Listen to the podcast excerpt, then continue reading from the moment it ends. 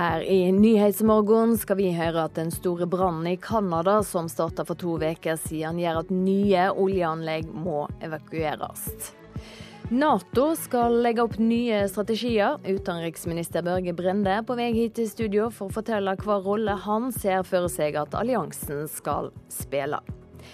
Det er 18. mai og tid for å oppsummere både nasjonaldagen og årets russefeiring. Og High As A Kite sin førre plate ligger fremdeles på listene. Vi har møtt bandet som er klart med nytt album.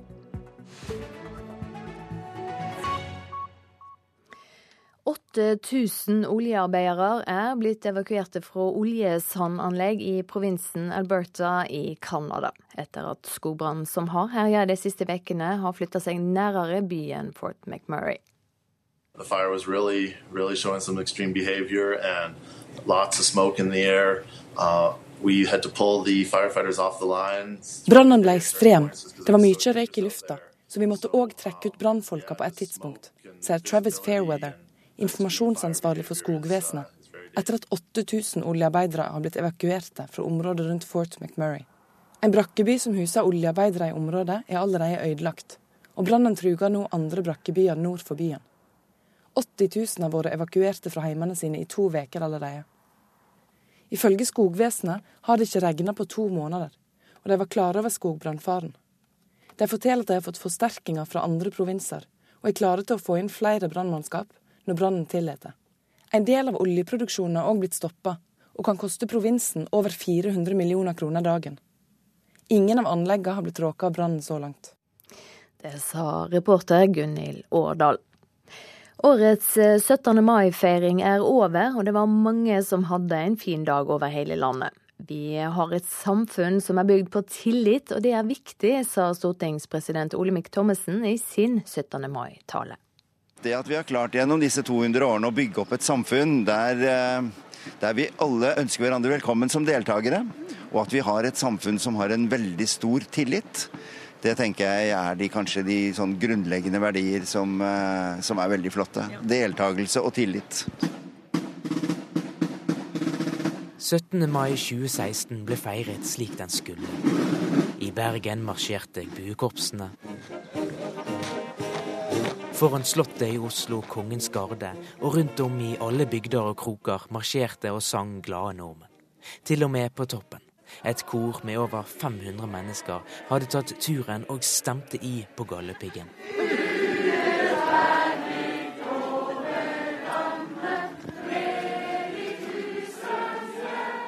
I Nord-Norge var det bygevær og lave temperaturer, men på store deler av Sør-Norge var det sol på den store dagen.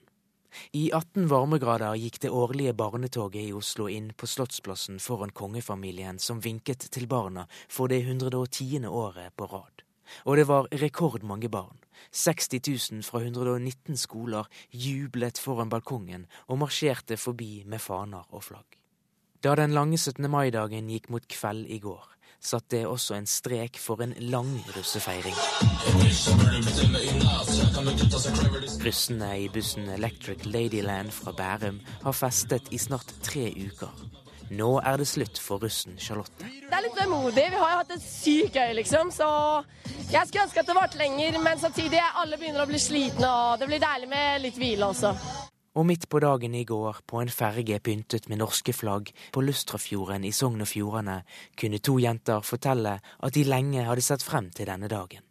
Slik ble 17. mai 2016 feiret. Kom mai, du kjenner milde, gjør skogen atter grønn.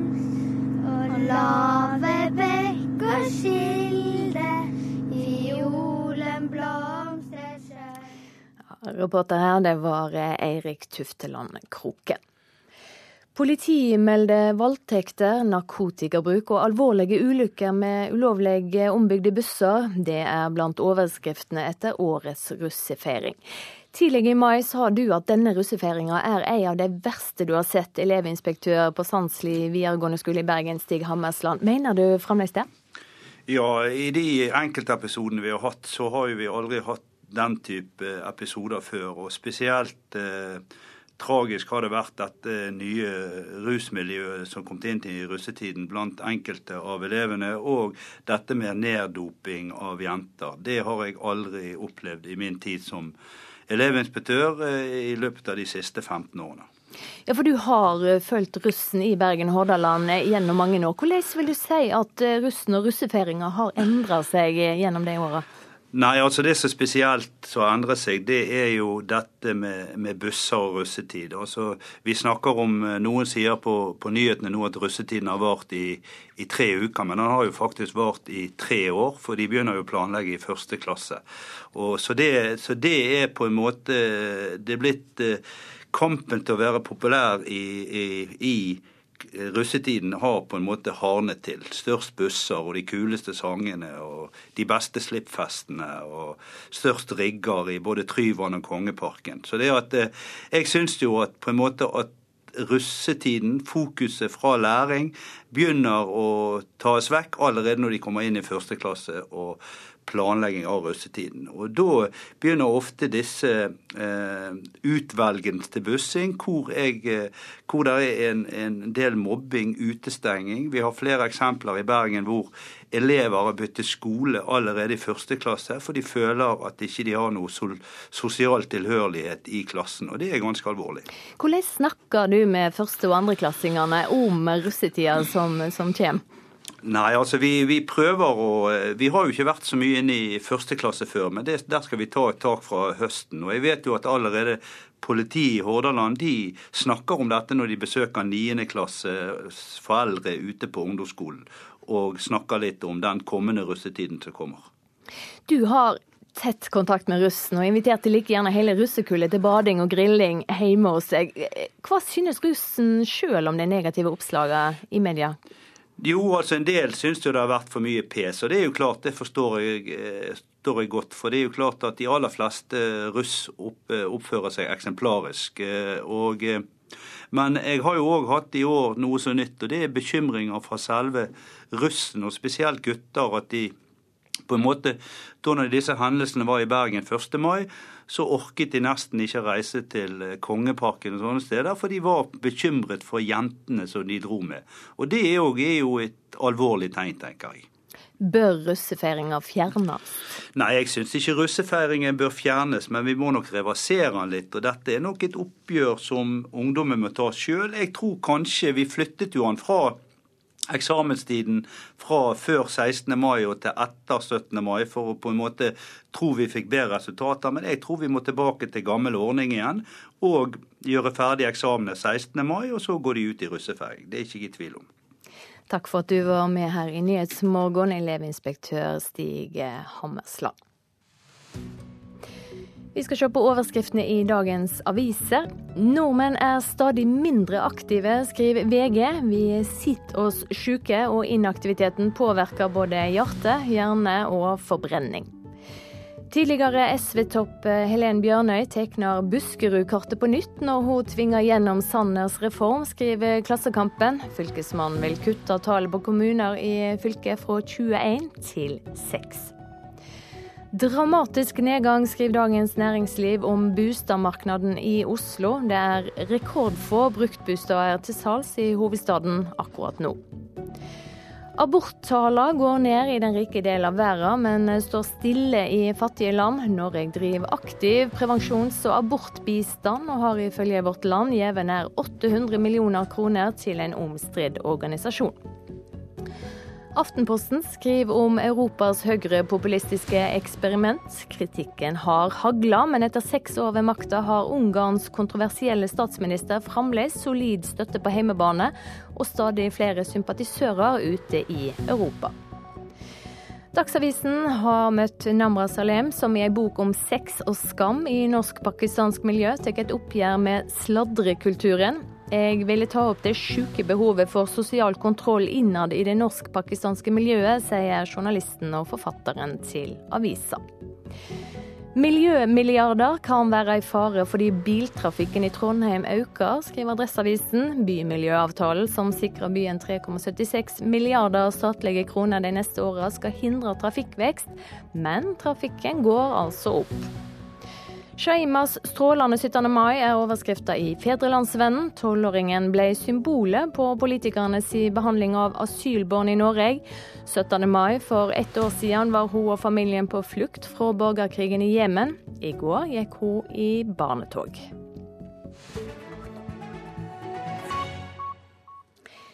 I morgen skal utenriksministrene i Nato-landene møtes i Brussel. Der skal de diskutere nye strategier for forsvarsalliansen, som skal handsames politisk på toppmøtet i Warszawa i juli.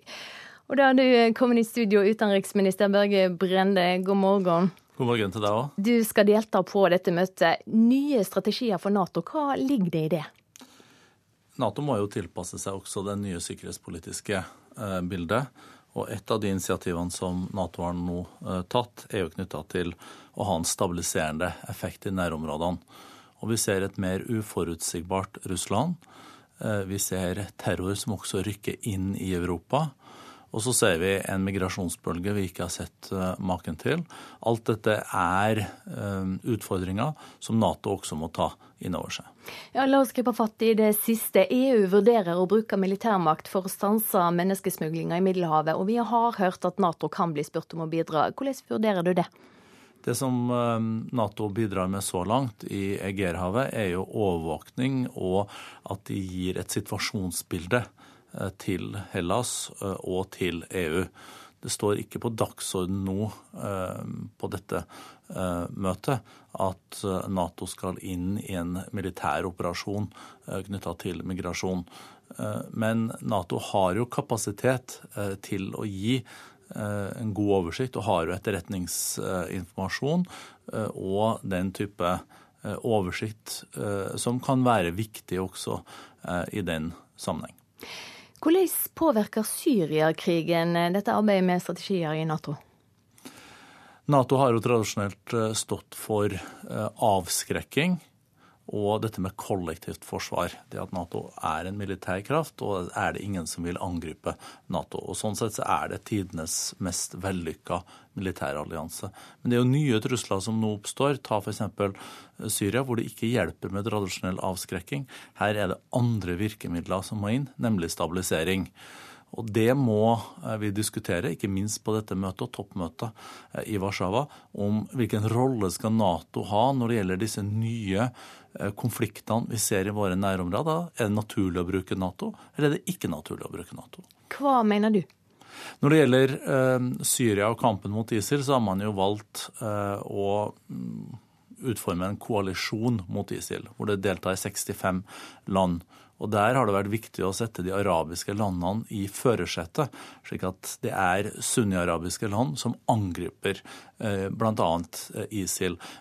Så det tror jeg er fornuftig å holde fast ved. Men når man ser at både terror rykker inn i Europa, men også at grensene til Nato-land blir utfordra, så kommer jo Nato inn. Så må vi kort innom USA. Der kan vi få en president som heter Donald Trump, eh, som har sagt at de andre landene må betale mindre enn eh, eh, De andre landene må betale mer av Nato-regninga enn i dag, og USA må betale mindre. Tror du Trump er noe av det som blir snakka om i korridorene på møtet? Jeg opplever at det snakkes om Trump hele tida, også da vi var i USA i forrige uke. Jeg tror også at det er bred enighet om at det må en mer rettferdig byrdefordeling til eh, i Nato.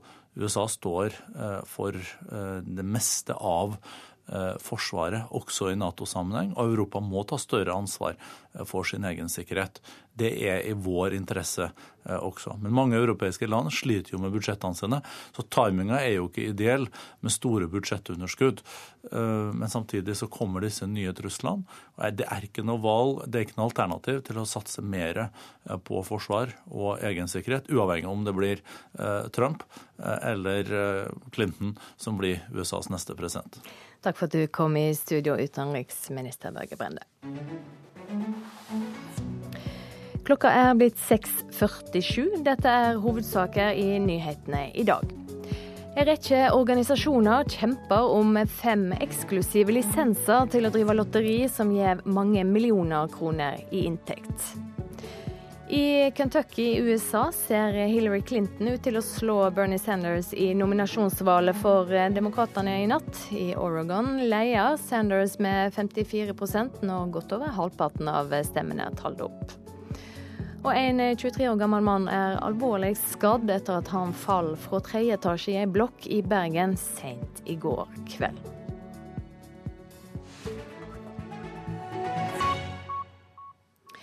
Så skal vi ha sport, og vi skal høre at eh, flere tar til orde for å stenge ute dopingtekne utøvere fra OL. En av dem er den norske presidenten i Det europeiske friidrettsforbundet, Svein Arne Hansen. Sebastian Coe hadde en veldig klar uttalelse for et par dager siden også om at han syntes at landet nå burde vise ansvar og ikke ta ut folk som kommer tilbake etter dopingdom.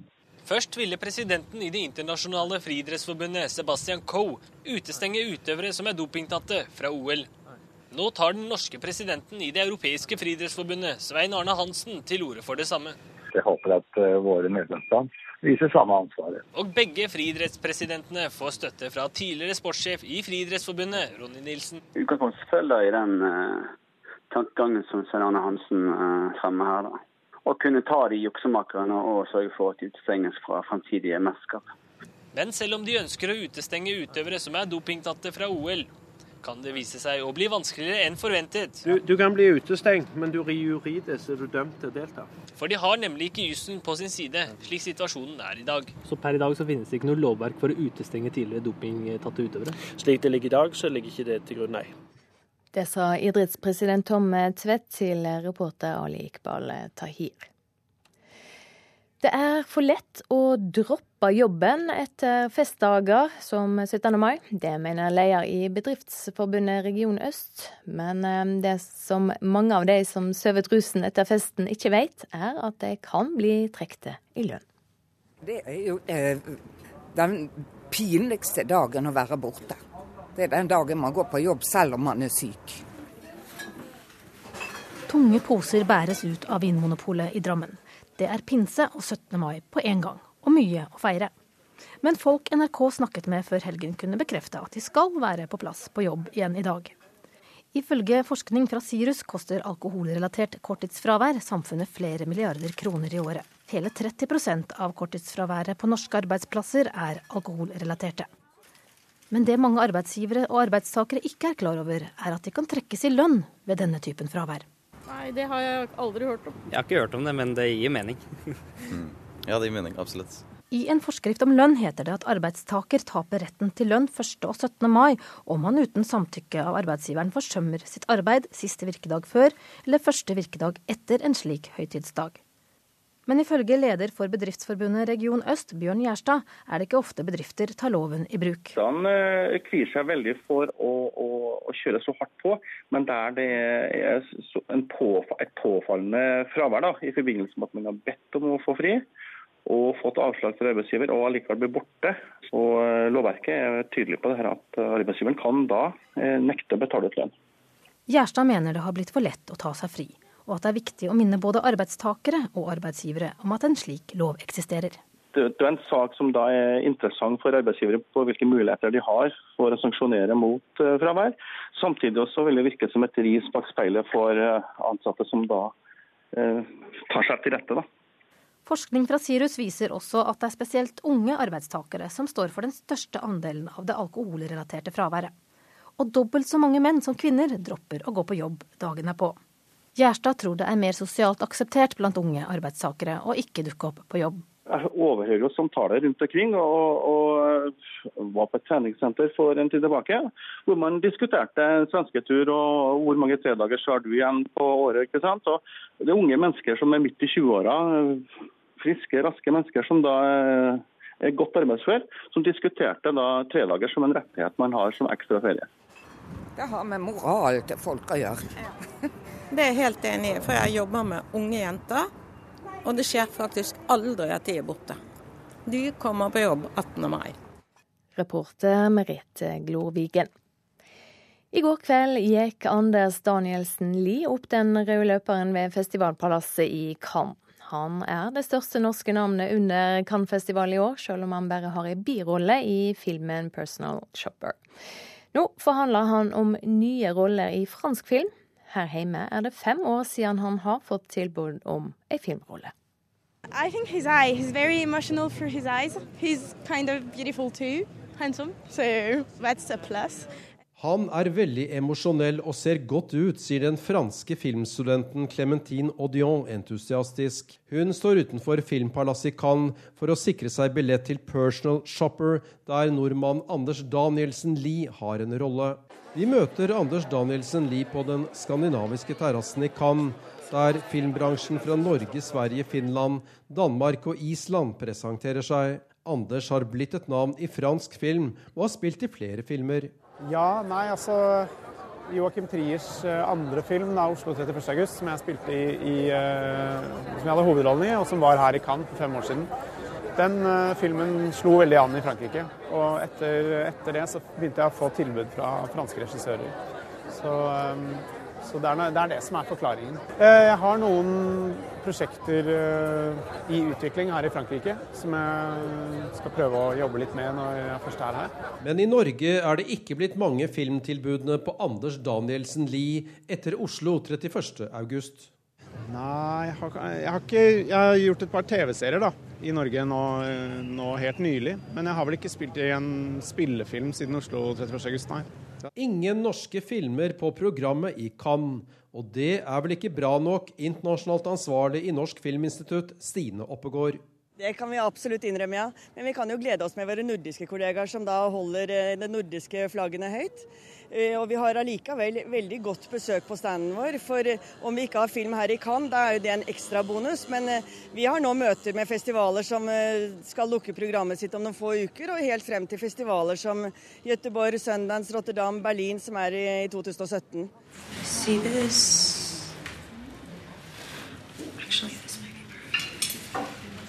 Kristen Stewart, amerikansk storstjerne kjent fra Twilight-filmene, har den bærende rollen i Personal Shopper, som hadde premiere i Cannes i går kveld. En film som har fått blandet mottakelse blant anmelderne. Ja, faktisk var det buing etter pressevisningen. Anders Danielsen Lie kan leve med det. Ja, skal aldri si aldri. Altså er, hvis du ser på Cannes historie, så er det mange store filmer som har blitt buet til uh, i, ved denne festivalen. Filmen er, uh, er, litt, er, litt, komplisert, og det kan godt hende at anmelderne her ikke helt uh, vet med en gang hvordan de skal forholde seg til den, og da kan de bli litt frustrerte. Ja, Vi tar med at flere viktige filmmeldere også har kommet med gode ord om denne filmen. Reporter Tore Tollersrud. High As A Kite sitt førre album ligger fremdeles på VG-lista etter 110 uker. Nå er bandet klare med nytt album. I morgen starter de turné i Brighton i England, og det blir første gang de presenterer den nye plata, som har tatt et halvt år å lage. Det har ikke gått på skinnene. Det, liksom, det, har ikke vært én utfordring, eller det har ikke vært noe sånn som jeg har tenkt på nå i ettertid, at ja, da sleit vi med det og det. Eh, det er vel egentlig bare mer at vi har et større og større apparat som vi må bare få til å fungere, da. Haya Sakai tar mye å leve opp til. Det førre albumet, 'Silent Treatment', som ble bandet sitt store gjennombrudd, ligger fremdeles på VG-lista Topp 40, som den har gjort i totalt 110 uker nå.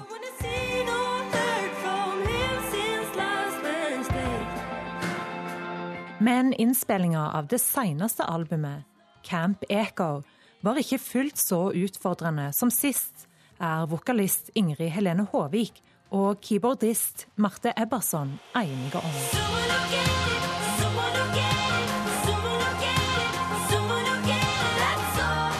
Jeg vil kanskje gjette at vi har fått en litt mer eh, trygghet da, i bandet. Eh, både musikalsk og sosialt, og åssen vi jobber sammen. At alle var engasjert og bidro masse, og at vi likevel sitter igjen med noe som alle kan være stolt over.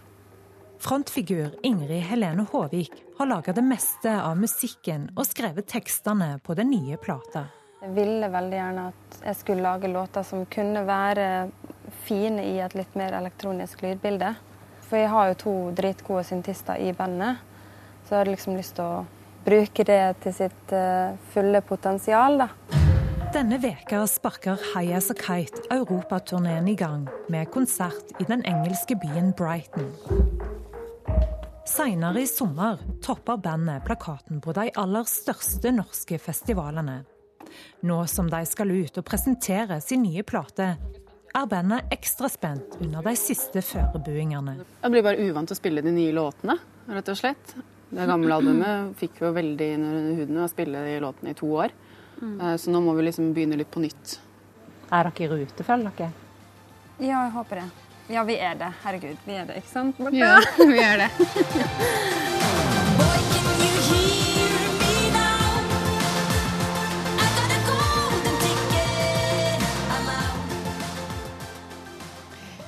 Reporter her, det var eh, Helga Tunheim. Vi skal ha et eh, værvarsel. Austafjells er det venta opptil sørvestlig liten kuling på kysten fra svenskegrensa til Lindesnes. På kysten av Sogn og Fjordane blir det nordøstlig liten kuling, etter hvert regn, men lite eller ikke nedbør, nedbør i ytre strøk nord for Sognefjorden, sør i Rogaland, samt på Østlandet sør for Hamar, i Telemark og på Sørlandet. I høgfjellet kommer nedbøren som sludd og snø. Møre og Romsdal og Trøndelag regnbyger. Snø i fjellet i nord, færre byger fra om ettermiddagen, og vinden dreier over til nordøstlig bris. Nord-Norge der holder fram med sørvestlig stiv kuling på kysten fra Lofoten til Nordkapp. Det blir fremdeles enkelte regnbyger, sludd og snø i indre og høyere strøk, noe sol. Det blir lite nedbør på vidda og i Øst-Finnmark. På Spitsbergen er det venta sterk vind sør for Isfjorden. Nordøstlig sterk kulde i morgentimene enkelte plasser, og fare for kraftige vindkast. Fra utpå dagen minker vinden til liten og stiv kuling enkelte steder. NRK P2.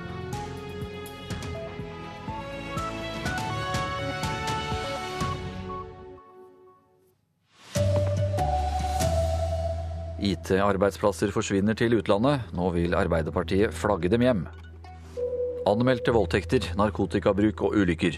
Årets russefeiring er en av de verste noensinne, mener skoletopp i Bergen. Her er NRK Dagsnytt klokka sju med Anders Borgen Werring. Arbeiderpartiet frykter for nye tap av arbeidsplasser i IT-sektoren, og vil bremse utflaggingen av store IT-prosjekter. Stadig større IT-prosjekter flyttes ut av Norge til land i Øst-Europa og India. Vi må snu utviklingen, sier Else May Botten, næringspolitisk talsperson i Arbeiderpartiet. Altså det, her, det her haster det. For den utviklinga her går kjempefort. Ja, hvor viktig er det at vi gjør noen grep akkurat nå? Ja, det er akkurat nå vi må gjøre det. Vi burde kanskje gjort det allerede i går, men i hvert fall ikke om to dager. Så Arbeiderpartiet ønsker seg noe mer innflagging av IT-arbeidsplasser? Ja, absolutt. Reporter eh, Line Tomter. Årets russefeiring er en av de verste noen gang. Det mener elevinspektør på Sandsli videregående skole i Bergen, Stig Hammersland. Også i år har det vært anmeldte voldtekter, narkotikabruk og alvorlige ulykker. De enkeltepisodene vi har hatt, så har vi aldri hatt den type episoder før. Og spesielt eh, tragisk har det vært dette nye rusmiljøet som kom inn i russetiden blant enkelte av elevene, og dette med neddoping av jenter. Det har jeg aldri opplevd i min tid som elevinspektør i løpet av de siste 15 årene. Så Det som spesielt har endret seg, det er jo dette med, med busser og russetid. Altså, vi snakker om, Noen sier på, på nyhetene nå at russetiden har vart i, i tre uker, men den har jo faktisk vart i tre år, for de begynner jo å planlegge i første klasse. Røde Kors kan miste retten til å drive pantelotteriet i dagligvarebutikkene når nye spillisenser deles ut. Flere organisasjoner har søkt om fem eksklusive lisenser til å drive lotteri som gir millioninntekter. Hvis flere enn fem blir godkjent, blir det loddtrekning om lisensene. Røde Kors reagerer sterkt på at de da kan miste retten til å drive et lotteri de har drevet i åtte år, og som i fjor ga organisasjonen 30 millioner kroner i inntekter. I Kentucky i USA ser Hillary Clinton ut til å slå Bernie Sanders så vidt det er i nominasjonsvalget for Demokratene i natt. Når nesten alle stemmene er talt opp, har Clinton fått 46,8% og Sanders eh, har fått 46,3. Og i eh, Oregon leder Sanders med 54,8% når eh, godt over halvparten av stemmene er talt opp. Og New York Times har allerede utropt Bernie Sanders som vinner i Oregon.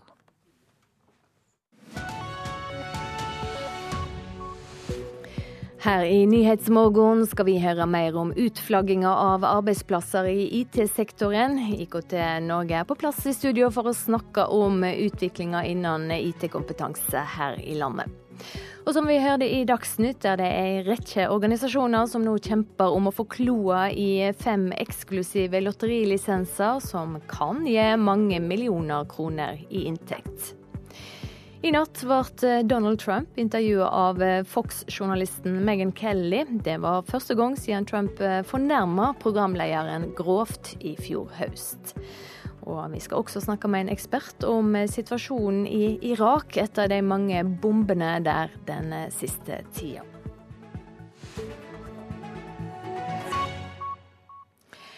Arbeiderpartiet frykter altså at arbeidsplasser i IT-sektoren kan forsvinne, og de vil nå bremse utflagginga av store IT-prosjekt.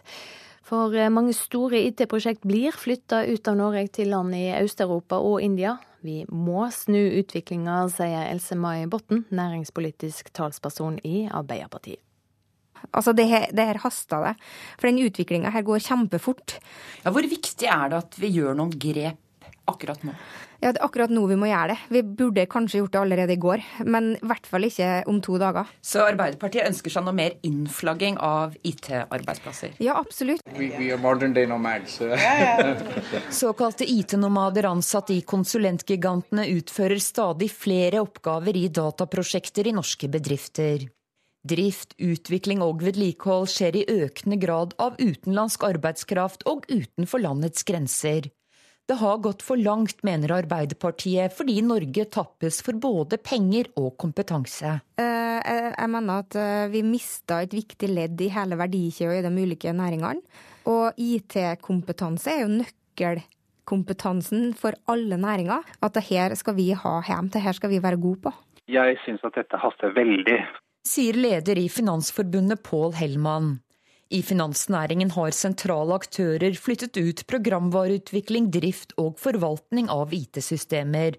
Det har gitt færre arbeidsplasser i næringen. Hvis vi ser på IT, så er det store deler av kjernekompetansen som nå er sourcet ut. Hva syns du om den politiske viljen som er uttrykt så langt? Det er slappe greier. Vi har jo bora oss frem til verdens største rikdom. Vi må jo kunne klare å bore oss frem til ny industri. I regjeringspartiet Høyre er det ingen planer om tiltak mot utflagging av IT-arbeidsplasser. Høyres næringspolitiske talsmann Gunnar Gundersen sier han har tillit til bedriftenes egne vurderinger. Arbeiderpartiet må gjerne reise debatten, men jeg kan ikke si at vi har noen virkemidler vi kan eh, ta i bruk, annet enn at vi bør jo selvfølgelig utdanne mennesker som har den rette kompetansen. Foreløpig har Arbeiderpartiet få konkrete tiltak. Men i løpet av kort tid skal partiet meisle en ny næringspolitisk strategi. Og vi er nødt til å være på ballen, vi er nødt til å jobbe for å finne gode løsninger, sånn at vi kan virkelig være stolt nasjon av eh, innflagging av industri, og ikke utflagging framover.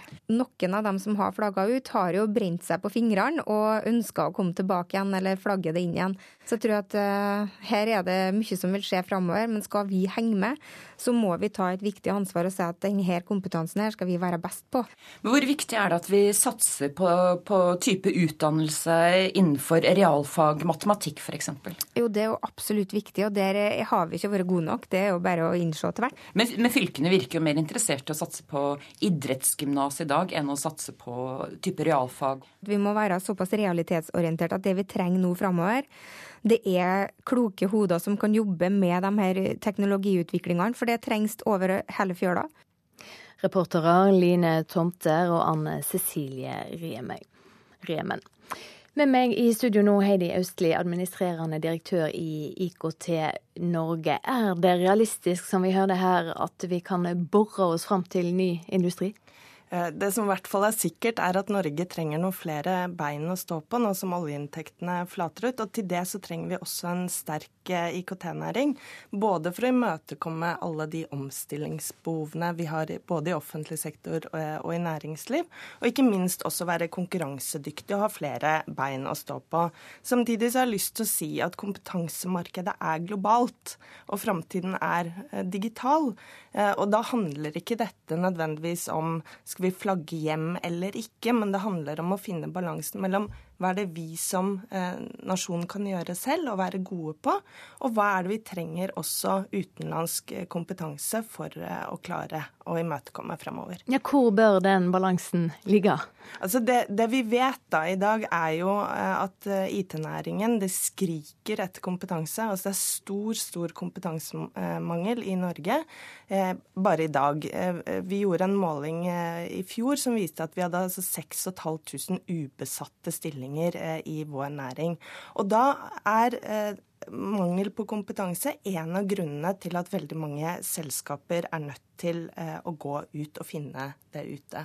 Og så vet vi også at regjeringen selv har kommet med noen målinger som viser altså at én av fire nødvendige IT-stillinger vil være ubesatt om 15 år. Men de bevilges ikke en eneste krone til å opprette flere IT-studieplasser. Så det er altså bare 10% av de som søker på IT-studier, som faktisk kommer inn. Og det kan politikerne gjøre noe med. Men handler ikke dette om penger? Utflagging er en, en IT-ingeniør like dyr uansett? Altså Det aller eh, viktigste for å flagge ut, det handler om mangel på kompetanse. Altså Det er skrikende behov. Det er ikke masseoppsigelser i IT-næringen i dag. Det er et skrikende behov for å finne de rette eh, hodene.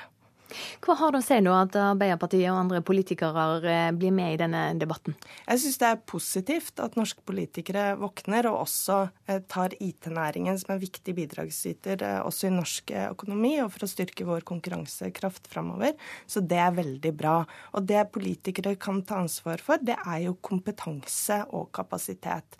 Og i revidert nasjonalbudsjett som kom nå, så lå det ikke en eneste ekstra IT-studieplass. Det kan de gjøre noe med. De kan også levere på eh, omstilling av arbeidsledige og arbeidstakere i dag. Og så må man også styrke eh, forskning og utviklingsarbeidet. Hvordan er eh, kompetansen på norske universitet og eh, høgskoler eh, på dette feltet? Jeg tror at I den tiden vi står i nå, så er det også viktig at vi har en gjennomgang av innholdet eh, i de studiene. Og det gjelder egentlig all type utdanning. Vi vet at det er bl.a. en videregående skole i Bergen nå, en yrkesfagskole, som snur helt om og ser hvordan kan vi utdanne fagarbeidere som kan reparere og skape roboten i framtida. Eh, Norges handelshøyskole har sammen med Gelato, et eh, viktig norsk IT-selskap, nå eh, laget en ekspertutdanning. Vi er nødt til å tenke hvordan skal vi organisere utdanning helt nytt. Og den debatten er helt fraværende i dag i den store omstillingstoget som går. Hvordan vil du få fram en slik debatt? Jeg ønsker jo at norske utdanningspolitikere nå begynner å diskutere det aller viktigste. Hvordan skal vi utdanne framtidas eh, arbeidstakere til jobber vi ikke engang aner at kommer til å eksistere? Takk for at du kom i studio, Heidi Austli fra IKT Norge. Vi skal høre at Røde Kors kan miste pantelotteriet når nye spillisenser skal deles ut. Nå kjemper en rekke organisasjoner om fem eksklusive lisenser til å drive lotteri, som gir mange millioner kroner i kassa. Nå er vi redde for å miste ei viktig inntektskilde gjennom flere år. Det sier kommunikasjonsdirektør Øystein Mjærum i Røde Kors. Vi eh, frykter jo nå eh, at vi må legge ned det mest ansvarlige og minst spillavhengige lotteriet i Norge. Så eh, dette er en prosess som vi ikke liker. Panteautomater som denne har gitt Røde Kors 130 millioner kroner siden 2008. 30 av millionene bare i fjor. Det er flere og flere som nå trykker på Røde Kors-knappen, så dette er svært viktige penger for vårt frivillige humanitære arbeid. I fjor bestemte Kulturdepartementet at det skal deles ut fem nye løyver til å drive lotteri for til sammen 1,5 milliarder kroner. Røde Kors måtte òg søke om løyve, sjøl etter å ha drevet Pantelotteriet i åtte år. Etter klagerunder er fem organisasjoner nå kvalifisert, men om flere vinner fram med klage, blir det loddtrekning. Da kan Røde Kors miste retten til å drive Pantelotteriet. Øystein Mjærum mener spillereglene er blitt endra underveis. Og Det er derfor vi også er veldig overraska over at eh, regjeringen underveis, i, midt i denne prosessen, har lempa på kriteriene for hvem som skal kunne få søke, slik at flere spill og mindre ansvarlige spill også skal kunne få en lisens. Så da må vi selvsagt klage på hele prosessen hvis det skulle oppstå en slik situasjon at vi står i fare for å måtte legge ned Norges mest ansvarlige lotteri. Men Lotteritilsynet er ikke enig i det her, sier avdelingsdirektør Elna Berge. Vi er av den oppfatning at vi ikke har endra vilkårene. Vilkårene har vært det samme hele tida. Nå har eh, Røde Kors sendt en klage til oss som er under behandling. Hvis Røde Kors mister Pantelotteriet, kommer det òg til å gå utover virksomheter i mange lokalsamfunn, sier Mjærum. Det er slik at eh, halvparten av pengene går direkte til lokalforeningen. Den andre halvparten går til fordeling eh, til der behovene er størst rundt omkring i landet. Det er eh, uklart når Lotteritilsynet vil gjøre den endelige tildelinga av de fem lisensene. Reportere eh, Kjartan Rørslett og Bjørn Atle Gildestad. Du hører på Nyhetsmorgen. Klokka er 7.14. Arbeiderpartiet frykter at arbeidsplasser i IT-sektoren kan forsvinne, vil nå bremse utflagginga av store IT-prosjekt. Vi skal straks snakke med en ekspert om situasjonen i Irak etter de mange bombene der den siste tida. Og store byggeplasser er ofte bråkete og forurensende, men det kan det bli slutt på. Nå skal anleggsmaskinene enten være elektriske eller gå på biodiesel. I USA sier Donald Trump at han ikke tror han ville ha nådd så langt i nominasjonskampen dersom han hadde hatt en annen tone i valgkampen. I natt ble han intervjuet av den kjente Fox-programlederen Meghan Kelly for eh, første gang siden eh, Trump angrep henne på det groveste etter en TV-debatt i fjor. Trump angrer på lite av det han har sagt. So when you look back on the on the past nine months from that first debate Any regrets? Uh, absolutely, I have regrets. I don't think I want to discuss what the regrets are, but absolutely, uh, I could have done certain things differently. I could have maybe used different language uh, in a couple of instances. But overall, you know, I have to be very happy with the outcome. Mm-hmm. And I think if I didn't conduct myself in the way I've done it, I don't think I would have been successful. If I were Dersom jeg hadde opptrådt mer presidentaktig i valgkampen, tror jeg ikke jeg ville ha vært der jeg er i dag, sier Donald Trump. Det 20 minutter lange intervjuet på Fox i natt fikk rikelig med pressedekning på forhånd. Like pigs, dogs, Meghan Kelly måtte tåle måneder med injurierende og kvinnefiendtlige angrep etter at hun i august konfronterte Donald Trump med noen av uttalelsene han har kommet med om kvinner i en TV-debatt. I natt var tonen mellom de to gemyttlig. Men Kelly vil gjerne vite om Trump vil endre tonen sin nå som han høyst sannsynlig blir presidentkandidat. Now you're steps away from the presidency. Have you given any thought in this position to the power that your messaging has on the lives of the people you target. We have to take care of our country. And I do feel America first. Vi må ta vare på landet vårt. Amerika kommer først, sa Trump.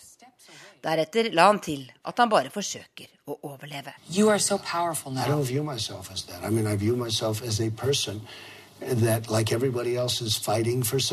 Han har beskyldt Kelly for å stille kjipe spørsmål fordi hun hadde mensen. Han har gjort narr av senator John McCain fordi han var krigsfange i Vietnam. Og han har harselert med en funksjonshemmet journalist. Donald Trump sa i natt at det er lite han angrer på, bortsett fra noe av det han har foretatt seg på Twitter. Men til Kelly sa han at det er mye tilhengerne hans legger ut på Twitter presidentkandidaten ikke sender videre. We have an. It's not just the fans. Yeah, but not the more nasty ones. You would be amazed at the ones I don't retweet. Bimbo? Uh, well, there was a retweet. Yeah, did I say that? Many times. Ooh. Ja, det var vår USA-korrespondent Tove Bjørgaas som hadde laga denne reportasjen. Nå til Irak. Den siste veka har bomber tatt over 100 liv i Bagdad. IS hevder å stå bak flere av disse angrepene. Med meg nå på linje fra Bergen, forsker Kjetil Selvik. Du studerer kampen eh, over stater og regime i Midtøsten. Hvordan er egentlig situasjonen i Irak nå? Den er jo eh, dramatisk. Fire bomber på markeder og en restaurant i går. Eh, tre bilbomber i Bagdad på fredag. Et gassanlegg ble angrepet på søndag. Eh, et, nylig et angrep på, på fotballtilhengere lenger sør i landet. Så, så den er absolutt eh, dramatisk. Ja, hva sier dette om eh, IS i Irak nå? Det er to måter å se dette på. På den ene siden skal man si at det handler om IS, fordi IS er under press på slagmarken. De, de, kjemper på defensiven. De har begynt å, å tape en god del av, av, det territoriet de holdt i Irak. Selv om de fortsatt står, står sterkt, så har de tapt eh, bl.a. provinshovedstaden Ramadi. Eh, de har vanskeligere tilgang på penger og rekrutter. Eh, de har tapt flere av sine ledere. Så, så man kan si at det er et tegn på at IS er under press, desperate og tyr til økende grad av terror fordi de ikke lenger er i stand til å føre regulær eh, kamp, vinne på slagmarken regulært. Men, men det er bare halve historien. For eh, det handler også om, om, Irak, som går gjennom en, en akutt politisk krise. Fordi selve maktens sentrum i, i Bagdad er, er i ulage her. Eh, statsminister Heidel Abadi er under press for å gjennomføre politiske reformer, men møter veldig sterk motstand eh, fra krefter i det etablerte systemet. Så han har forsøkt å skifte ut medlemmer av regjeringen for, for å rykke opp i et, et, dypt problem med korrupsjon i Irak. Men eh, det er veldig vanskelig for han å navigere. For på den ene side så står utålmodige demonstranter som, som vil ha veldig grunnleggende endringer, og som vil bryte med den politiske eliten som har vokst frem i Irak etter 2003. Men på den andre siden så har man politiske partier som er, som er redde for å miste innflytelse, mener de har legitime interesser. Noen av de står med, med militsgrupper, og noen av de har internasjonal støtte. Slik at i slutten av april så stormet gatedemonstranter det, det politiske hovedstaden sete i, i Bagdad, som kalles Den grønne sonen, som ble etablert av amerikanerne etter 2003. Og krevde gikk til angrep rett og slett på parlamentet og krevde på en måte grunnleggende endringer. Og Som en konsekvens svar på det, så har parlamentarikere og flertallet på politiske partier trukket seg og sagt at vi vil ikke eh, gå i parlamentet igjen før de ansvarlige for, for dette blir, blir, straffet. Så da ser man det presset da som statsministeren står under på den ene side, mm. demonstranter på den andre side, interesser i regimet som mener at eh, at dette går altfor langt. Så, ja, men Det høres ikke ut som det er håp om, om betring heller, da? Nei, sant. Det kan virke som om kaoset i Bagdad, det politiske kaoset i Bagdad har gått utover evnen til sikkerhetsstyrkene til å forhindre terrorangrep. På den ene siden. Og på den andre siden så kan det være at IS har konkludert med at at dette er god, et godt tidspunkt for å ramme en fiende som, som allerede er splittet, mm. i håp om at kanskje regjeringen skal bryte sammen, at det skal bli vanskeligere for regjeringen i Bagdad å føre noe, noe kamp mot IS, f.eks. i Mosul. Kjetil Selvik, forsker, takk for at du var med her i Nyhetsmorgen.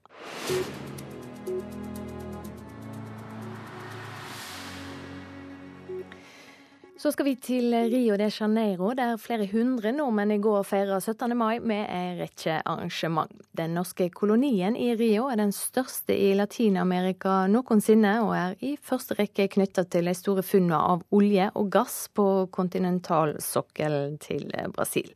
Reporter Ant Stefansen har laga denne rapporten fra den norske feiringa i Rio.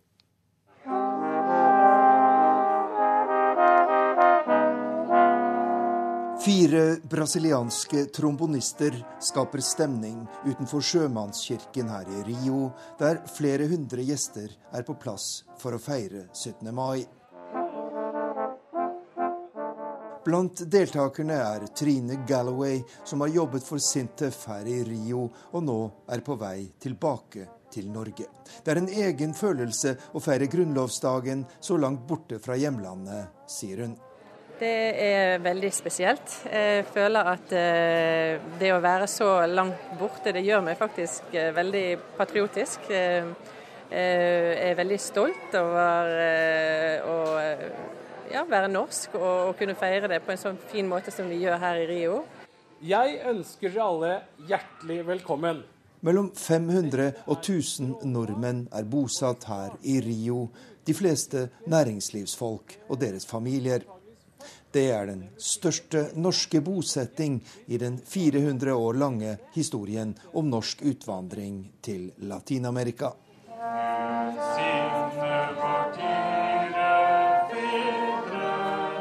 De siste årene har vært preget av dyp krise her i Brasil, men økonomistudenten Oskar Solbrekke håper på bedre tider etter regjeringsskiftet for en drøy uke siden det å få en litt mer markedsvennlig regjering inn nå, det vil være utrolig positivt for Brasils del. På tross av at jeg har mine, mine kritikker mot uh, måten regjeringen har blitt satt opp, og, og, de, og, de, som er i den regjeringen. En vårdag i solskinnstund og benken i student... Avstanden fra Norge til Brasil er lang i mer enn én forstand. Særlig krevende er det å forholde seg til de store klasseforskjellene i det brasilianske samfunnet, sier Trine Galloway. Frustrerende og fremmed, det er det absolutt. Eh, eh, det, det, er ikke sånn jeg er vant til eh, å tenke. Det er ikke sånn jeg er vant til at vi oppfører oss mot hverandre i Norge. Øyne er blå som fiolen, hun er flagget som vaier i vind. Overskriftene fra dagens aviser. Nordmenn er stadig mindre aktive, skriver VG. Vi sitter oss syke, og inaktiviteten påvirker både hjerte, hjerne og forbrenning. Tidligere SV-topp Helene Bjørnøy tegner Buskerud-kartet på nytt når hun tvinger gjennom Sanners reform, skriver Klassekampen. Fylkesmannen vil kutte tallet på kommuner i fylket fra 21 til 6. Dramatisk nedgang, skriver Dagens Næringsliv om boligmarkedet i Oslo. Det er rekordfå brukte boliger til salgs i hovedstaden nett nå. Aftenposten skriver om Europas høyrepopulistiske eksperiment. Kritikken har hagla, men etter seks år ved makta har Ungarns kontroversielle statsminister fremdeles solid støtte på heimebane, og stadig flere sympatisører ute i Europa. Utsettinga av løsdriftkravet til 2034 ble avgjørende for årets jordbruksavtale, ifølge Bondelaget. Nasjonen har fem sider om jordbruksoppgjøret i dagens avis. Og Dagbladet skriver om framlegget til ny arvelov. Rådet fra ekspertene er å fordele penger og verdier medan en er i live, for å unngå krangling og trøbbel mellom arvingene. Store byggeplasser er ofte bråkete og forurensende, men nå kan det bli forandringer. Når den nye flerbrukshallen på Lambertseter i Oslo skal bygges i høst, krever kommunen at alle anleggsmaskinene enten skal være elektriske eller gå på biodiesel. En liten gul hjullaster skiller seg ut på anleggsplassen på Hasle, der det bygges en ny barnehage. Maskinen lager nemlig ikke en lyd, ikke kommer det utslipp fra en dieselmotor heller. Dette er en eh, batteridreven kompaktlaster på eh, prøve fra Walker Noisen. Som er pga. kravet etter hvert fra offentlig sektor om at vi skal prøve å begrense fossilt brennstoff på byggeplassene. Det sier Rino Myhrvold, som er anleggsleder hos Georg Andresen og Sønner. Den lille elmaskinen testes ut på oppdrag fra Omsorgsbygg, som bl.a. bygger barnehager og skoler i Oslo kommune. Det er snekkeren Anders Skjulstrøm som får lov til å styre maskina. Han er jo litt mindre enn den som vi bruker vanligvis da også, men eh, for å være så liten så fungerer han veldig bra. Men hvordan merker du forskjellen da, utover det? Ja, Det er jo det at uh, han er tyst. Det, det er jo ingen motor som går, som er den største forskjellen.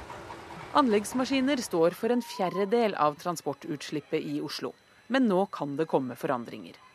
Omsorgsbygg har inngått et samarbeid med Bellona for å få ned utslippene på byggeplasser. På Lambertseter er det et annet kommunalt foretak, kultur- og idrettsbygg, som går i bresjen. Vi ønsker en fossilfri eh, anleggsplass.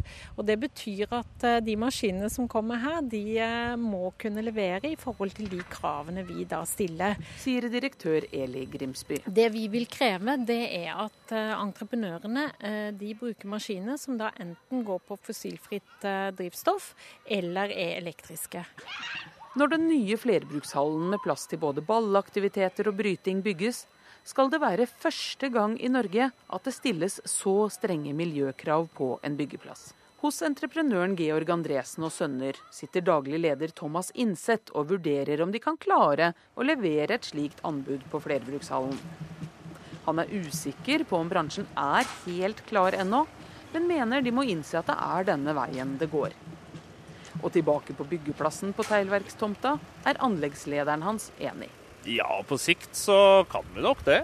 Så klart Noe utfordringer vil det bli, men eh, det er ikke en umulighet. Alt er mulig i dag. Reporter Trine Bråten. I reportasjen om drygt ti minutter skal vi til Filippinene, der den påtroppende presidenten har lova å rydde opp i både korrupsjon og annen kriminalitet med hard hånd. Produsent for Nyhetsmorgen, Marit Selme Nedreli. I studio, Silje Sande.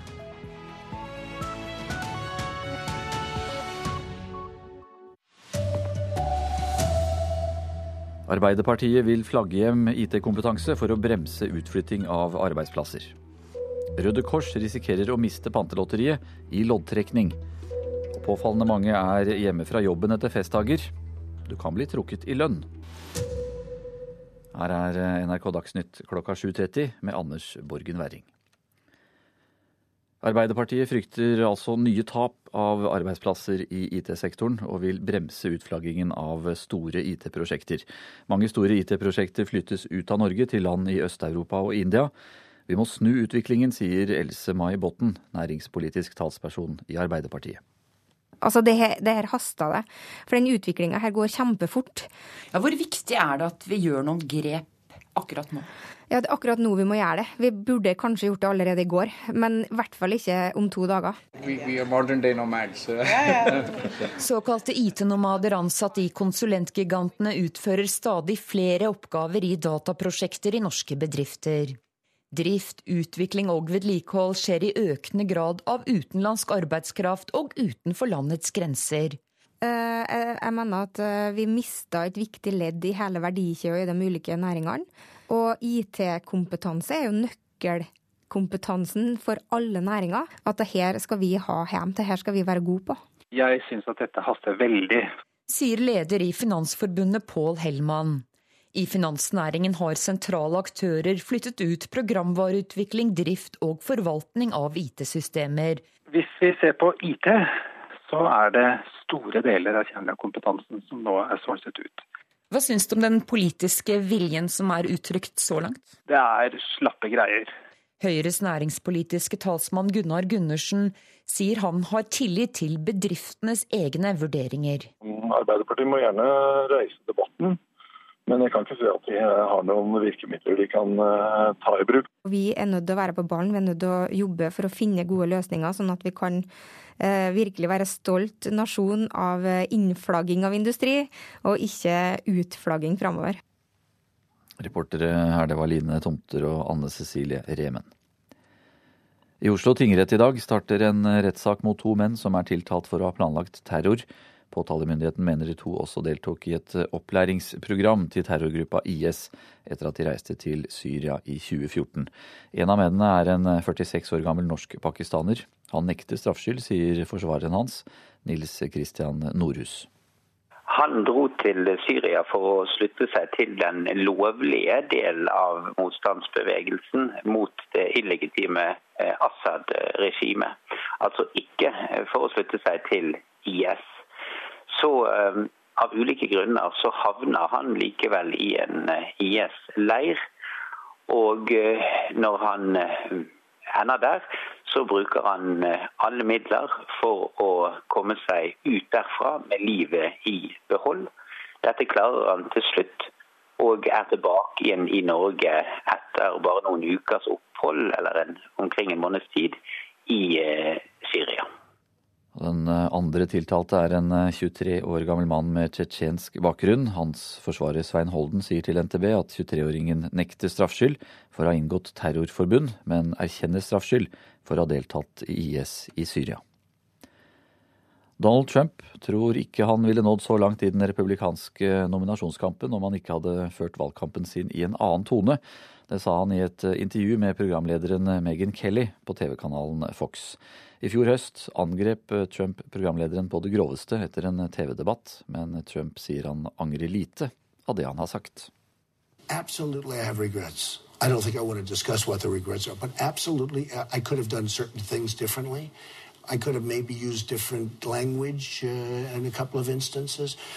overall, you know, I have to be very happy with the outcome. And I think if I didn't conduct myself in the way I've done it, I don't think I would have been successful. If I were Dersom jeg hadde opptrådt mer presidentaktig i valgkampen, tror jeg ikke jeg ville ha vært der jeg er i dag, sier Donald Trump. Meghan Kelly måtte tåle måneder med injurierende og kvinnefiendtlige angrep etter at hun i august konfronterte Donald Trump med noen av uttalelsene han har kommet med om kvinner i en TV-debatt. I natt var tonen mellom de to gemyttlig. Men Kelly vil gjerne vite om Trump vil endre tonen sin nå som han høyst sannsynlig blir presidentkandidat. Now you're steps away from the presidency. Have you given any thought in this position to the power that your messaging has on the lives of the people you target? We have to take care of our country. And I do feel America first. Vi må ta vare på landet vårt. Amerika kommer først, sa Trump. Han har beskyldt Kelly for å stille kjipe spørsmål fordi hun hadde mensen. Han har gjort narr av senator John McCain fordi han var krigsfange i Vietnam. Og han har harselert med en funksjonshemmet journalist. Donald Trump sa i natt at det er lite han angrer på, bortsett fra noe av det han har foretatt seg på Twitter. Og det sa USA-korrespondent Tove Bjørgaas. I Kentucky i USA ser eh, Hillary Clinton ut til å slå Bernie Sanders så vidt det er i nominasjonsvalget for Demokratene i natt. Når nesten alle stemmene er talt opp, så har Clinton fått 46,8% og Sanders 46,3 Og i Oregon leder Sanders med 54,8% når godt over halvparten av stemmene er talt opp. New York Times har allerede utropt ham som vinner. En 23 eh, år gammel mann er eh, alvorlig skadd etter at han falt fra tredje etasje i en blokk i Bergen sent i går kveld. Ifølge politiet falt han etter å ha klatret opp eh, mot leiligheten sin på utsiden av bygget.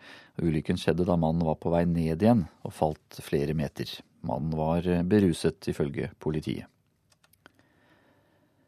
Røde Kors kan miste Pantelotteriet når nye spillisenser deles ut. En rekke organisasjoner kjemper om fem eksklusive lisenser til å drive lotteri, som gir mange millioner i kassa. Nå er vi redd for å miste en viktig inntektskilde gjennom flere år, sier kommunikasjonsdirektør Øystein Mjærum i Røde Kors. Vi eh, frykter jo nå eh, at vi må legge ned det mest ansvarlige og minst spillavhengige lotteriet i Norge. Så eh, dette er en prosess som vi ikke liker. Panteautomater som denne har gitt Røde Kors 130 millioner kroner siden 2008. 30 av millionene bare i fjor. Det er flere og flere som nå trykker på Røde Kors-knappen, så dette er svært viktige penger for vårt frivillige humanitære arbeid. I fjor bestemte Kulturdepartementet at det skal deles ut fem nye løyver til å drive lotteri for til sammen 1,5 milliarder kroner. Røde Kors måtte òg søke om løyve, sjøl etter å ha drevet Pantelotteriet i åtte år. Etter klagerunder er fem organisasjoner nå kvalifisert, men om flere vinner fram med klage, blir det loddtrekning. Da kan Røde Kors miste retten til å drive Pantelotteriet. Øystein Mjærum mener spillereglene er blitt endra underveis. Vi ble sjokkert eh, over at det er mulig, eh, midt i en såkalt offentlig anskaffelsesprosess eller prosess, eh, endrer spillereglene for å slippe til flere spill og mindre ansvarlige spill. Men Lotteritilsynet er ikke enig i det her, sier avdelingsdirektør Elna Berge. Vi er av den oppfatning at vi ikke har endra vilkårene. Vilkårene har vært det samme hele tida. Nå har eh, Røde Kors sendt en klage til oss som er under behandling. Det er eh, uklart når Lotteritilsynet foretar den endelige tildelingen av de fem lisensene. Reportere her det var Kjartan Røslett og Bjørn Atle Ildestad. Det er for lett å droppe jobben etter eh, festdager som 17. Eh, mai. Ja, Det mener leder i Bedriftsforbundet Region Øst. Men det mange ikke vet, det er at de kan bli trukket i lønn. Jeg skal på jobb. Ja. Skal du på jobb den 18. mai? Ja, det skal jeg. Det er jo eh, den pinligste dagen å være borte. Det er den dagen man går på jobb selv om man er syk. Tunge poser bæres ut av Vinmonopolet i Drammen. Det er pinse og 17. mai på én gang, og mye å feire. Men folk NRK snakket med før helgen kunne bekrefte at de skal være på plass på jobb igjen i dag.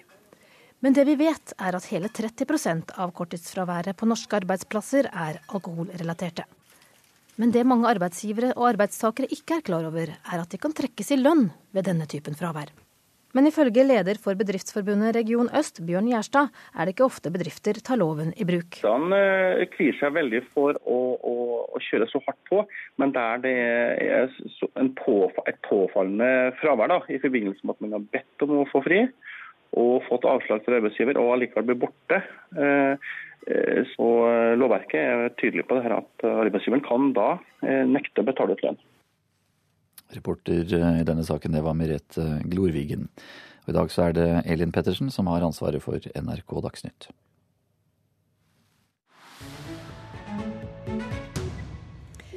Hardtslående valgløfte om å drepe titusenvis av kriminelle og å utrydde korrupsjon på Filippinene i løpet av et halvt år.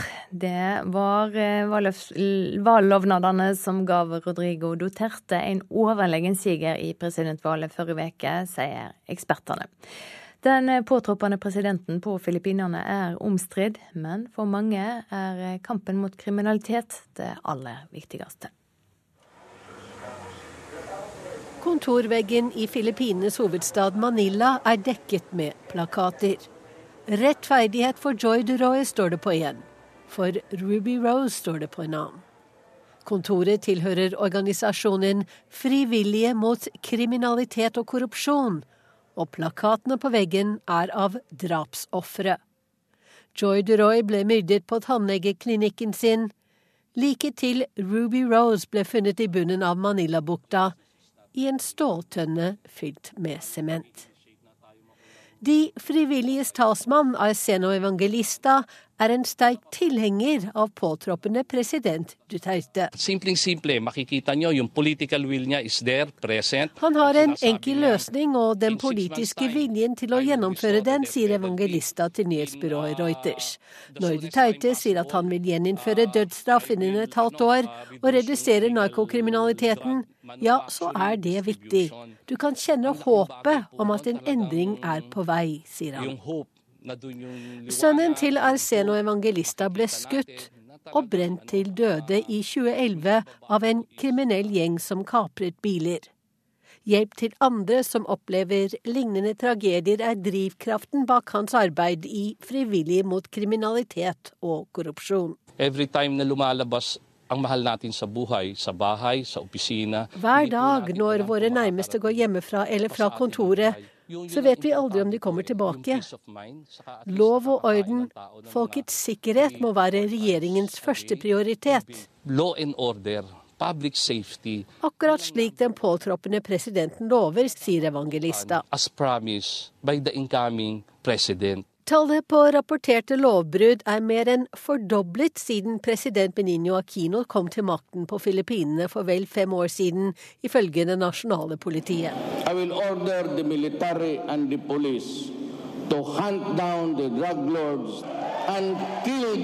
Det er uttalelser som dette, med et løfte om å beordre drap på narkobaroner og titusenvis av kriminelle, som sikret Rodrigo Duterte valgseieren. Velgerne håper han vil være like hardtslående mot de kriminelle som han har vært i byen Davao sør i landet, der han har vært ordfører i 22 år. Ifølge menneskerettighetsgrupper har regelrette dødsskvadroner der drept 1500 mennesker siden 1998. Duterte avviser at han har beordret drapene på kriminelle, men han fordømmer dem ikke. Yung issue ng kahirapan, hindi na-address. Han fokuserer ikke på fattigdomsproblematikken i det hele tatt, mener generalsekretær Kristina Palabai i menneskerettighetsgruppen Karapatan. Når fattige bryter loven, så er det fordi de er desperate. De har ikke tilgang til utdanning, og de havner i et retts- og fengselssystem som ikke åpner for rehabilitering. Dutertes løfte om å gjeninnføre dødsstraff løser ikke problemet med et urettferdig system, sier Palabay. Uh, Som kommer til å følge godt med når den nye presidenten tiltrer i juni. Det sa reporter Wenche Eriksen.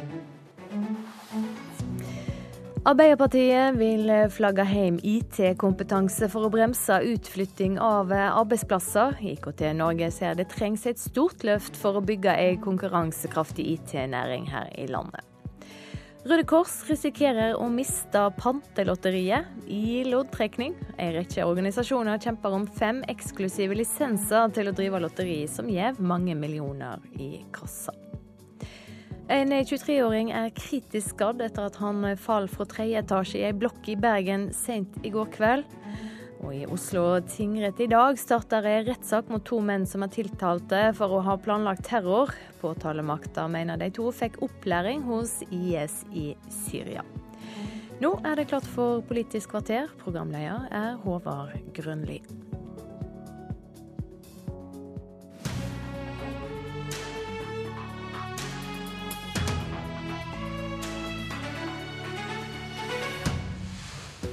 Etter ett og et halvt døgn på overtid og en feilsendt SMS ble det jordbruksavtale. Men det er splid i bøndenes leir. Og hvem er det egentlig som har blitt disiplinert? Jordbruksoppgjøret er en helt egen disiplin. Politisk kvarter oppsummerer med partene, og spør også KrF og landbruksministeren om hva som vil skje på Stortinget nå. Det ble altså en avtale. Småbrukarlaget brøt lørdag kveld, men Bondelaget forhandla videre med staten langt på overtid, og inngikk til slutt en avtale med en ramme på 350 millioner kroner. Lars Petter Bartnes, leder i Bondelaget. Resultatet er en halv milliard mindre enn du kravde, i et oppgjør dere omtalte som et retningsvalg for jordbruket. Når resultatet av dette har eh, seget inn, får vi tro, under nasjonaldagsfeiringa, hvordan oppsummerer du hva dere fikk til? Ja, Vi eh, gikk inn i forhandlingene med sikte på å sikre mangfoldet i norsk landbruk. Eh, det ble satt eh, høyt, og det står fortsatt høyt. Årets avtale bringer oss ikke helt i mål. Vi har klart oss å ja, fått jevna ut inntektene noe mellom de små og store brukene. Som sagt ikke helt i mål. Og så er eienretninga mot stordrift også redusert en del. Men det er klart at tilbudet som lå på bordet, det har en innretning der at det var de større brukene som som eh, har eh, profitert på det, og vi har klart å forhandle en flatere struktur enn det som lå på bordet i utgangspunktet. Men dere, sagt, dere, er... dere, ville snu en utvikling, sa dere, som ble lagt i 2014, der de store produsentene ble prioritert. Eh, mener du du har fått til det? da? Vi har ikke som jeg sier, vi har, ikke kommet i mål. Vi har jobba gjennom en lang forhandlingsperiode med sikte på å finne løsninger. og Løsningen ble at vi fikk flata ut og redusert satsinga, ensretta satsing mot stordrift Så jeg er veldig ærlig på at vi har en veldig viktig jobb å gjøre videre framover for å sikre sterkere eh, utviklingsmuligheter for eh, de små og mellomstore, og det, det vi kaller mangfoldet i norsk landbruk. Mm. Merete Furuberg, leder i Norsk Bonde- og Småbrukarlag. Din organisasjon Braut for sjette gang på sju år. Er inntektsauken mellom store og små redusert i år?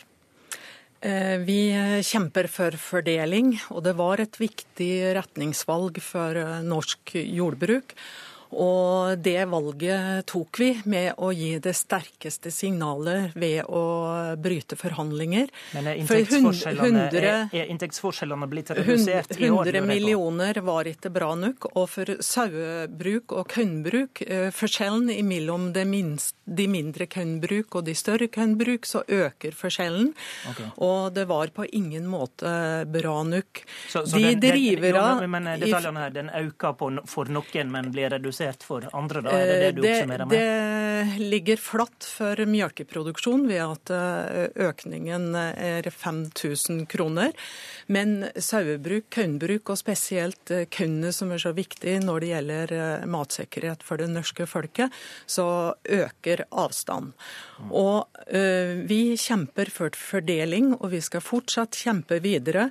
Og de drivere som da eh, Fra det som skjedde i 2014, så er det ingenting en endrer på det. slik at eh, den retningen som da ble satt, som er feil i forhold til det å ivareta produksjon av mat på norsk jord, de ligger der fremdeles. Og vi kan jo spørre landbruksministeren om han er enig i at noen av de drivere som da ble gjennomført i 2014, er noe av det egentlig endret. Det er jo riktig at det flytter på noen penger, men drivere ligger der.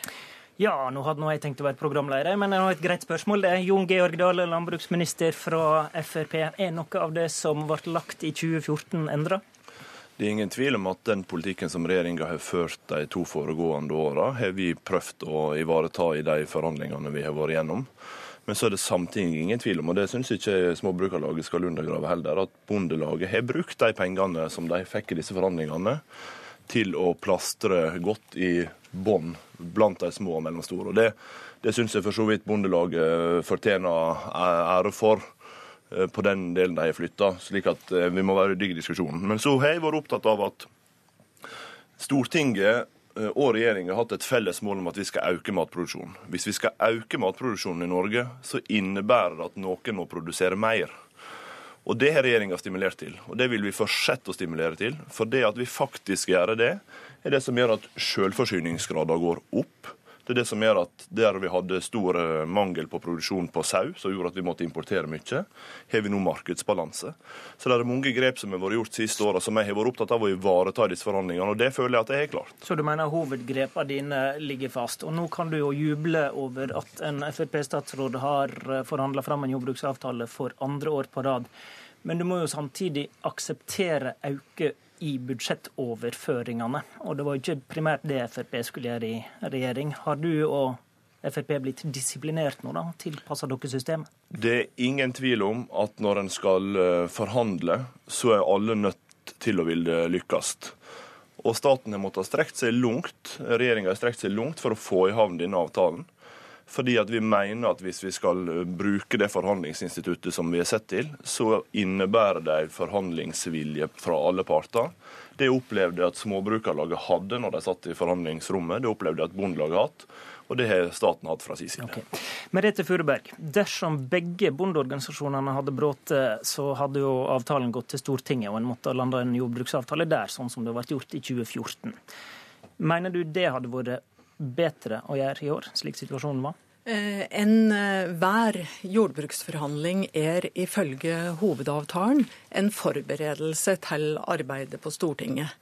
Og når vi kjenner til det som Kristelig Folkeparti, Venstre, Arbeiderpartiet, Senterpartiet og Miljøpartiet De Grønne står for, i henhold til det å så skulle øke matproduksjon og produsere mat på norsk jord, da må vi ha matproduksjon på små og mellomstore bruk over hele landet for å få til det. Og med òg tanke på at de aller fleste av de nevnte partiene sier at de ville gi mer på budsjett, så er jeg sikker på at den forberedelsen som jordbruksforhandlingene er i henhold til hovedavtalen, at Stortinget hadde gjort jobben sin. Nå må Stortinget òg gjøre jobben sin, og det er et sterkere utgangspunkt når vi hører òg at Bondelaget, eh, som Bonde- og Småbrukerlaget, vi står felles om kampen videre, at dette her er jo bra nok. Bartnes, hva bør Stortinget gjøre nå? Jeg regner med det at det blir en god debatt om landbrukspolitikken i Stortinget også i år. Det er viktig at Stortinget reiser debatten på et så, så stort og omfattende politikkområde. Bør, bør de endre det du har forhandla fram? Vi har, eh, vi har, gått inn i eh, forhandlingene, funnet løsning, og den eh, løsningen blir jo da lagt fram for Stortinget. og Jeg mener jo det at det er en, en, en som jeg sier, en, en, ikke lenger enn det vi klarte å komme innenfor årets jordbruksavtale. Sånn sett så, så er det fra vår side en jordbruksavtale som kan gå inn i Stortinget og debatteres. Om, jord, om Stortinget skal gjøre inngripen eller ikke, ja, nei, det, det skal ikke jeg legge meg borti. Det er opp til deg, det. Line Henriette Hjemdal, stortingsrepresentant for eh, KrF. Um, er du interessert i å gjøre endringer på den jordbruksavtalen som er framforhandla av partene? Dette er en god avtale med en god profil. Det er en videreføring av stortingsflertallets merknader både fra 2014 og fra 2015. Eh, og jeg har stor respekt for den enigheten som nå Bondelaget og staten har inngått. Um, og det betyr nei, det skjer ikke noe mer med den avtalen? Nei, altså Forhandlingsinstituttet er en viktig institutt som eh, ja, eh, det er forberedende uh, i forhold til hovedavtalen. Men uh, vår inngang til dette er at den enigheten den har jeg stor respekt for.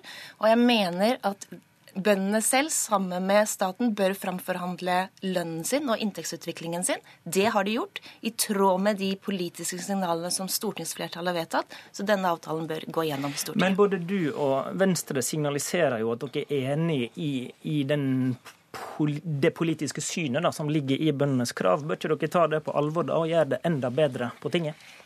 Venstre og Kristelig Folkeparti vil ha den samme forhandlingsmotparten som bøndene har hatt eh, nå de siste ukene. Det er en farge eh, blå og blå-blå. Eh, det er også de som vi vil møte. Her har bøndene og Bondelaget klart å få til en styrking på budsjettmidlene, som er viktig for Kristelig Folkeparti. Det er all ære til Bondelagets leder, som har klart å øke budsjettstøtten. Det er ikke i tråd med Fremskrittspartiets politikk, ikke i tråd med Høyres politikk. Det klarte Kristelig Folkeparti og Venstre få til i 2014. I år har Bondelaget klart det. Du tror ikke dere kommer lenger enn bøndene gjorde? Jeg syns at de skal få lov til å framforhandle selv. Nå har de kommet til en enighet, og den har jeg stor respekt for. Her har det vært svette, vært nattetimer og ikke minst feilsendte SMS-er. Ja, vi skal komme til den, håper jeg. Jon Georg Dale, hva var det som løste årets oppgjør? Nei, Det tror jeg handler om reell politisk vilje fra uh, min side, fra regjeringas side, og ikke minst fra Bondelaget til å søke å finne løsninger. Og så er du opptatt av noe som blir kalt for løsdrift. Eh, altså fjøs der dyra går friere enn på tradisjonelle båser. Eh, dere gjorde det slik at eh, av, eh, krav om innføring av dette blir utsatt i ti år. Hvor viktig var det? Nei, Det tror jeg har vært viktig, spesielt for små og mellomstore bruk eh, på Vestlandet og i Nord-Norge. Sånn at Det er jo en viktig profilseier eh, for de små og mellomstore. Så er det altså sånn at Grunnen til at vi har gjort det, det er at i dag kan kravet skulle ha tredd inn fra 2024 hvis fjøsene er bygd før 1995 men ikke før 2034 hvis han er bygd etter. Og Jeg ser ikke den store prinsipielle forskjellen på fjøs bygd i 94 og i 95, og derfor har dette vært et greit krav i møtet. Hva har dette å gjøre i jordbruksforhandlinger, som tradisjonelt er økonomiske forhandlinger? Det er altså slik at Når vi forhandler virkemiddel som handler om i hva grad er det rom for alle som i dag driver matproduksjon i tida framover, så er det ett spørsmål som har vært sentralt. Og jordbruket har løfta fram dette spørsmålet flere ganger. Både eh, gjennom de fem månedene jeg har bak meg, og også tidligere. Men så er det definitivt slik at når vi da ser på de samla virkemidlene, hvordan vi innretter de økonomiske stimuliet som vi gjør over jordbruksavtalen, så må vi også se på hva bakgrunnen vi gjør det. Og Da er løsdriftskravet vår sentral del av diskusjonen, og derfor har vi gjort endringer. Hjemdal, hadde dette noe i forhandlingene å gjøre? Nei, Dette handler jo om lov om dyrevelferd, men nå er det en enighet. Og det er Stortingets Det er Stortingets. Men nå er det en enighet om dette om ti års utsettelse. Men det er det viktigste som egentlig gjenstår, og den beskjeden må også statsråden få med seg. At man må ha en investeringspakke for å klare å innløse dette løsdriftskravet også i 2034. Det hjelper ikke å utsette hvis ikke pengene kommer på bordet, og det er regjeringens ansvar. Du må by på penger også. Ja, og det der er 575 millioner kroner i investeringsvirkemiddel over jordbruksavtalen. Jordbruket krevde 17 i sitt krav, og jeg leverte 26 i mitt tilbud. Slik at den beskjeden trenger for så vidt ikke om å få. Den er tatt. Og Det er fordi jeg innser at investeringsvirkemidler er viktig for at mange skal klare de økonomiske løftene som en skal inn i. Det er spesielt viktig for rekruttering til jordbruk, som jeg snakka mye om etter jeg overtok ansvaret som landbruksminister. Og Derfor er dette en, et delsvar men som faktisk legger grunnlag for at folk kan bruke den kapitalen de allerede planter på gården sin. Du får åpenbart en runde i Stortinget på investeringsmidlene her. Årets oppgjør vil vel gå over i historien som SMS-oppgjøret. Statens forhandlingsleder feilsendte en intern SMS til en journalist i avisa Nasjonen. I SMS-en sto det at vi leker ikke jordbruksforhandlinger, og at vi skal bruke tida som trengs for å disiplinere Småbrukarlaget til ansvarlig og seriøs opptreden. Merete Furuberg, hvordan påvirker dette forhandlingene? Med det samme jeg fikk eh, lest SMS-en, så må jeg innrømme at eh, jeg tenkte at nå kan i hvert fall ikke Norsk Bonde- og Småbrukerlag inngå en avtale. Jeg innrømmer det. Men, Styrte det det endelige valget ditt? da? det, det, nei, eh, selvfølgelig. Når eh, det sinnet gikk over, så må du jo skille mellom det som var det virkelige, med budsjettpenger og fordeling. Men når det er sagt, så ser vi jo veldig alvorlig på innholdet ja, i SMS-en. Hva er alvorlig med dette? Det som er alvorlig, det er at en eh, seriøs motpart som jobber døgnet rundt i forhandlinger, og vi var med helt til døra ut og, og kjempe, og tok valget i forhold til at det er ingen bra avtale for norsk matproduksjon. Og så får vi det presset i tillegg. Slik skal det ikke forekomme i et demokrati. Og det var veldig sterkt nå med feiringen av 17. mai. Vi må kjempe for at vi skal ha redelighet, og at ingen skal bli utsatt Dale, for utidig press. Dale, dette var ikke redelig. Det er slik at denne tekstmeldinga beklager de forskjeller at var sendt eh, så snart den kom. Det syns jeg var klokt. Eh, og det er definitivt slik at Småbrukarlaget har opptrådt eh, ordentlig gjennom de forhandlingene de har vært inne i. Det har jeg lyst til å si, fordi det er et fair valg å velge å avslutte tidligere. Til alle fire. Sendinga er over. I studio Håvard Grønli. Hør flere podkaster på nrk.no podkast.